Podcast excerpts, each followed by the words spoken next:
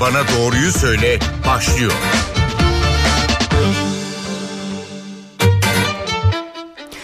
Merhaba NTV Radyo'da Doktor Bana Doğruyu Söyle başladı. Ben Zeynep Gülalp. Covid-19 vakalar artık binin altında, ölüm sayıları artık çok düşük seviyelerde. 3 gün daha böyle giderse toplu taşımada da maskeler çıkacak. Ancak uzmanların Covid sonrası döneme ilişkin uyarıları var. Bugün bu süreçte neler olabileceğini konuşacağız. Konuğumuz Bilim Kurulu üyesi Profesör Doktor Alper Şener. Hocam hoş geldiniz yayınımıza. Hoş bulduk. Merhaba, iyi yayınlar diliyorum. Teşekkür ederiz. Sağ olun. Hemen vaka sayılarındaki düşüş ve yeni kararlarla ilgili değerlendirmelerinizi alarak başlayalım. Artık tamamen bireysel önlem almamız gerekiyor anladığımız kadarıyla. Yorumunuz ne olur sizin evet, de? Artık, evet artık olağanüstü hal durumu kalktı. Binin altındaki rakam sayısı test pozitifinin %1'in dahi çok çok altına inmesi demek. Metropollerdeki tehlike ve olağanüstü hal durumunun da artık gündemden düşmesi gerekiyor diye düşünüyorum. Tabii benim bu kişisel görüşüm. Ee, genel anlamda baktığınız zaman da artık sadece sağlık tesislerinde, hastanelerde maske ile ilgili zorunluluğun e, devam etmesi. Onun dışındaki diğer yerlerde bununla ilgili bir zorunluluk e, e, devam etmesi çok akılcı gibi görünmüyor ya da uygulama anlamında bir pratik anlamda bir katkısı olmayacak gibi görünüyor en azından benim görüşüme göre. Peki hocam şimdi Covid sonrası sendrom ya da post Covid e, evet. konusuna gelelim. Bu nasıl seyrediyor ve kimler risk altında onu öğrenmek istiyoruz sizden. Ya bu aslında yaş grubundan ve hastalığın ağır geçirilip geçirilmemesinden çok bağımlı değil. En az en son veriler onu gösteriyor. Şu anda Türkiye'de yaklaşık 15-16 milyon civarında COVID-19 enfeksiyonu geçirmiş kişi var. Bu kişilerin tahminen %10 ila %30'u arasındaki bir grup içerisinde post-COVID ya da long COVID tablosu var. Yani long COVID dediğimiz şey PCR testi negatifleştikten sonra en az 4 hafta içerisinde tekrar semptomların ortaya çıkması. PCR negatifleştikten. Post-COVID dediğimiz de yine PCR negatifleştikten sonra ortalama 4-12 hafta içerisinde yani 4 haftadan daha 12 haftadan daha uzun sürdeki periyotta pardon e, semptomların ortaya çıkması. Hangi semptomlar? Bunlar daha çok santral sinir sistemi yani hatırlama güçlüğü, algı güçlüğü, e, kas iskelet sisteminde yorgunluk, aşırı yorgunluk, kas ağrısı, akciğerde solunum zorluğu, merdiven çıkarken zorlanma, e, kalpte çarpıntı, nefes alma hissi, tansiyon oynamaları, ritim bozuklukları gibi semptomlar mide bağırsak sisteminde de bazen ağırlıklı olarak ishal, karın ağrısı gibi tablolarla karşı karşıya kalıyoruz. E, aslında demek istediğimiz mesaj şu, COVID-19 enfeksiyonu özellikle ACE2 reseptörüne bağlandığı için ve vücutta da ACE2 reseptörü çok fazla sayıda eksprese edildiği için bu organlarda uzun dönem bağlı kalıp ek bulgular ortaya çıkabiliyor. Zaten Dünya Sağlık Örgütü 2021'den beri bu iki klinik tabloyu da tanımladı. E, Türkiye'de tahminen e, yaklaşık 4,5 milyon civarında e, korona sonrası hala iyileşmeyen grup diyebiliriz buna. Hala eskisi gibi olmayan grup diyebiliriz. Bu hasta grubu bu havuzun içerisinde yer alıyor. Şimdi 15 milyon toplam vaka olduğunu varsayarsak ve 5 milyon kişi de bu e, tablo görülecek en kısa sürede tedavi yöntemi, yöntemi oluşturulmalı demiştiniz siz. Peki evet. bunu e, toplam vaka sayısının yani e, üçte bir kişide biz bu uzun Covid sendromunu görecek miyiz bu zamana kadar Covid olmuş kişilerde? Şöyle Dünya Sağlık Örgütü'nün ve CDC'nin yaptığı genel bir ortalama bu. Dünya Sağlık Örgütü'ne göre her 10 kişiden birinde 10 kişiden ikisinde Dünya ortalaması ise %10 ile %30'unda görülüyor. Covid sonrası sendrom dediğimiz tablo.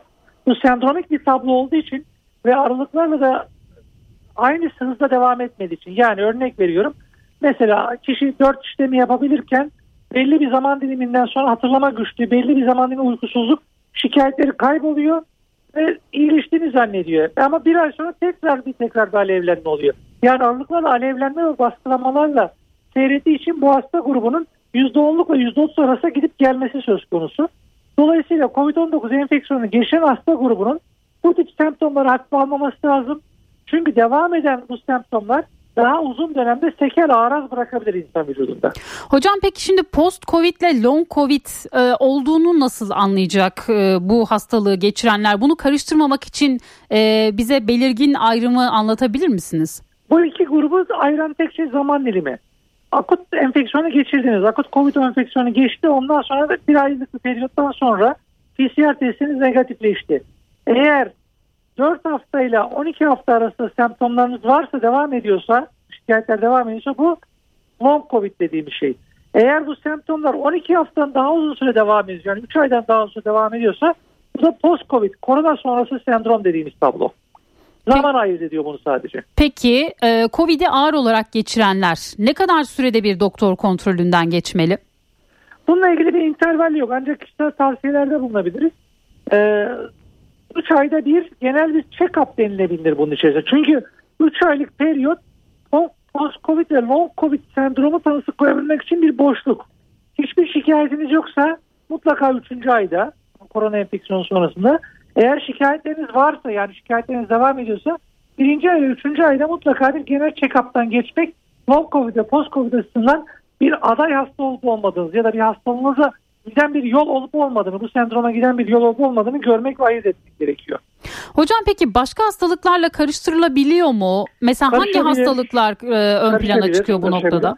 Çoğunlukla fibromiyalji ile karışıyor. Yani kas iskelet sisteminde oluşan belli noktalarda ağrı hassasiyet durumuyla karışıyor. Uykusuzluk gibi, anksiyete gibi tablolarla, depresyonla ya da psikosomatik hastalıklarla karışıyor. Hipertansiyon çıkabiliyor birdenbire. Yaşa bağlıysa ortaya çıktıysa ben artık tansiyon hastayım zannedebiliyor kişiler. Çarpıntı olabiliyor. Çarpıntıyla devam eden kalp ritim bozukluklarıyla çalışabiliyor. Akciğer bulguları hastanın zemininde zaten akciğer hasarı, akciğer hastalığı varsa ben artık astım bronşit oldum, astım hasta oldum gibi karışabiliyor. Beraberinde mide bağırsak sisteminde bulgular ortaya çıktıysa bazen irtabul kolon dediğimiz yani ishal ve kabızlık aralıklarıyla devam eden tablolarla karışabiliyor. Kron gibi, ülseratif kolit gibi kronik bağırsak hastalıklarıyla karışabiliyor. Ama aslında bunlar e, ileri inceleme yapıldığı zaman bunların hiçbirisi kronik hastalık değil. Bu saydığımız kronik hastalıklar grubunda değil. Sadece post-covid long-covid sendromu erken dönemde yapılacak olan müdahalelerle, uygulamalarla bu tabloların geriye dönmesi mümkün. Peki diyabet ya da kalp hastalarında farklı semptomlar oluyor mu? Kişiye göre belirtiler değişiyor mu? Değişiyor ama bu ana saydığımız şablon değişmiyor aslında. Yani santral sinir sistemi, beyin yani, kas iskelet sistemi, solunum sistemi ve kardiyovasküler sistemi, mide bağırsak sistemi bu şablonun tam ortasında. Yani ana kavşakta bu sistemlerle ilgili şikayetler yer alıyor. Bunlar ek olarak tat, koku kaybı, görme keskinliğinde kayıp, işitmede kayıp gibi bir sürü liste sayabilirsiniz. Ama hastalığı ağır geçirenlerde de hafif geçirenlerde de aslında yarı yarıya eşdeğer. Hatta CDC artık e, son zamanlarda adet düzensizliğini de bu tablonun içerisine koydu. Yani Covid sonrasında ortaya çıkan ara kanamalar, kanama düzensizliği ve hormonal değişiklikleri de bu dönem içerisine koydu. Dolayısıyla bunların içerisinde tablo biraz daha geniş e, ek inceleme yapmak lazım. Bunun gerçekten COVID-19 enfeksiyonu sonrası bir tablo olup olmadığını ayırt etmek için. Peki bu post-COVID sendromu en çok hangi organlar üzerinde hasar bırakıyor hocam? Şimdi şu anda tespit edilmiş kalıcı hasar dediğimiz bir tablo daha çok santral sinir sisteminde, beyinde, kalpte, akciğerde e, söz konusu. Diğer organlardaki hasarlar kalıcı gibi görünmüyor. En azından ön bilgiler böyle. Peki Amerika'da 181 bin kişi üzerinde bir araştırma yapılmış ve 2021 yılında sonuçları yayınlanan çalışmaya göre COVID-19 geçirenlerde geçirmeyenlere oranla diyabet görülme riski %40 artmış. Evet. Ee, bu da COVID öncesi hastalanmaların COVID sonrası diyabet belirtileri gösterdiği durumlar olmuş. Endokrinoloji endro endokrinoloji uzmanları uyarıyorlar. Ne dersiniz? Covid ile diyabetin bir bağı var mı ya da Covid sonrası e, diyabetle ilgili bir e, hastalık dikkatinizi çekti mi? O zaten artık Covid enfeksiyonunun tablosu içerisinde oturmuş bir şey olduğu için ona ekstra söylemiyoruz.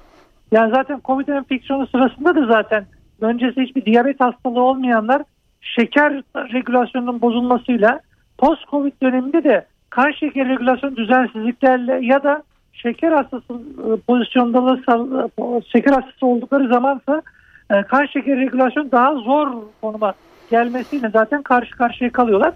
Ana kavşakta yer almayan belki ama yan kavşaklarda mutlaka diyabette var. Peki Covid geçirenler e, bu kanlarındaki şeker oranlarına e, bir e, düzenli bir periyotta baktırmaları gerekiyor mu? Bunu tavsiye eder misiniz? Ya, tıpkı bunlara eğer bir yükseklik varsa devam ediyorsa takip içerisinde artık şeker hastası gibi yaklaşmak lazım. Hı hı. Peki yani hocam tanısı koymak gerekiyor çünkü sonuç olarak. Peki post covid aşı olanlarla olmayanlar arasında bir fark olarak e, görüyor musunuz? E, herhangi var, bir farklılık gösterilmiş, gösterilmiş çalışmalar var. Post covid ve long covid sendromu aşı sonrası koronavirüs enfeksiyonu geçirenlerde çok daha az görülüyor. Çok daha az görünüyor. Peki evet. en çok hangi aşı olanlarda post covid görülmüş? Böyle bir araştırma var mı? Yok. Onunla ilgili bir literatür bilgisi yok henüz. Peki hocam şunu da soralım. Post-Covid sendromu asemptomatik kişiler ya da çocuk hastalarda da görülebiliyor mu? Evet görülebiliyor.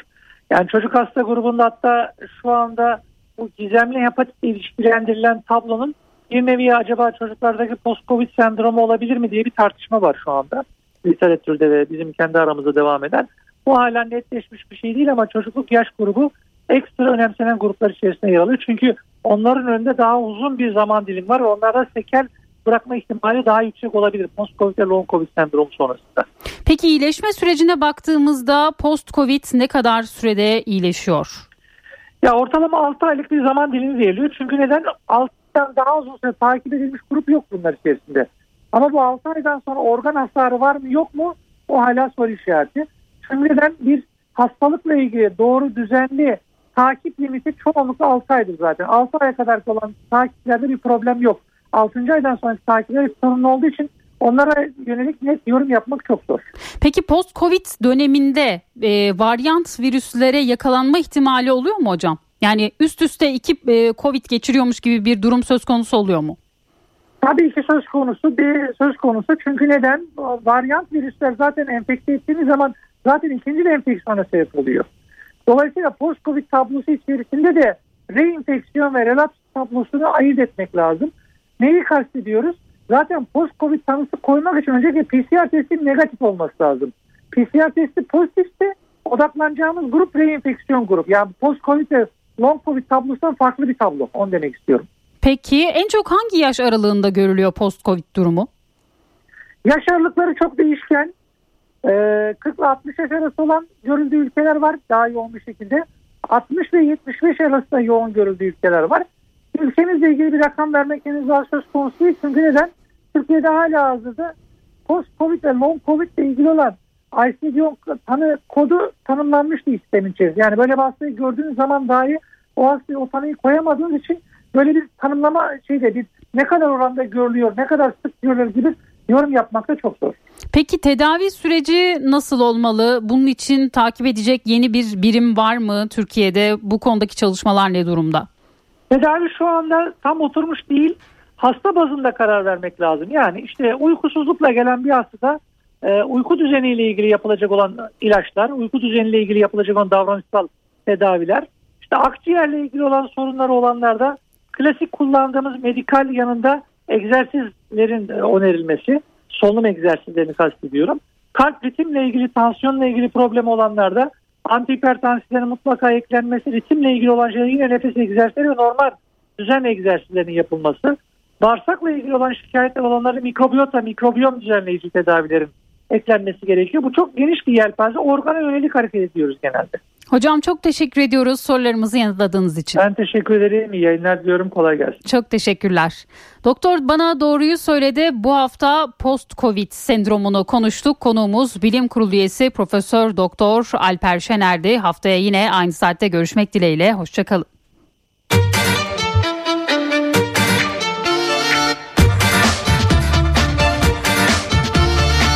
Doktor bana doğruyu söyle.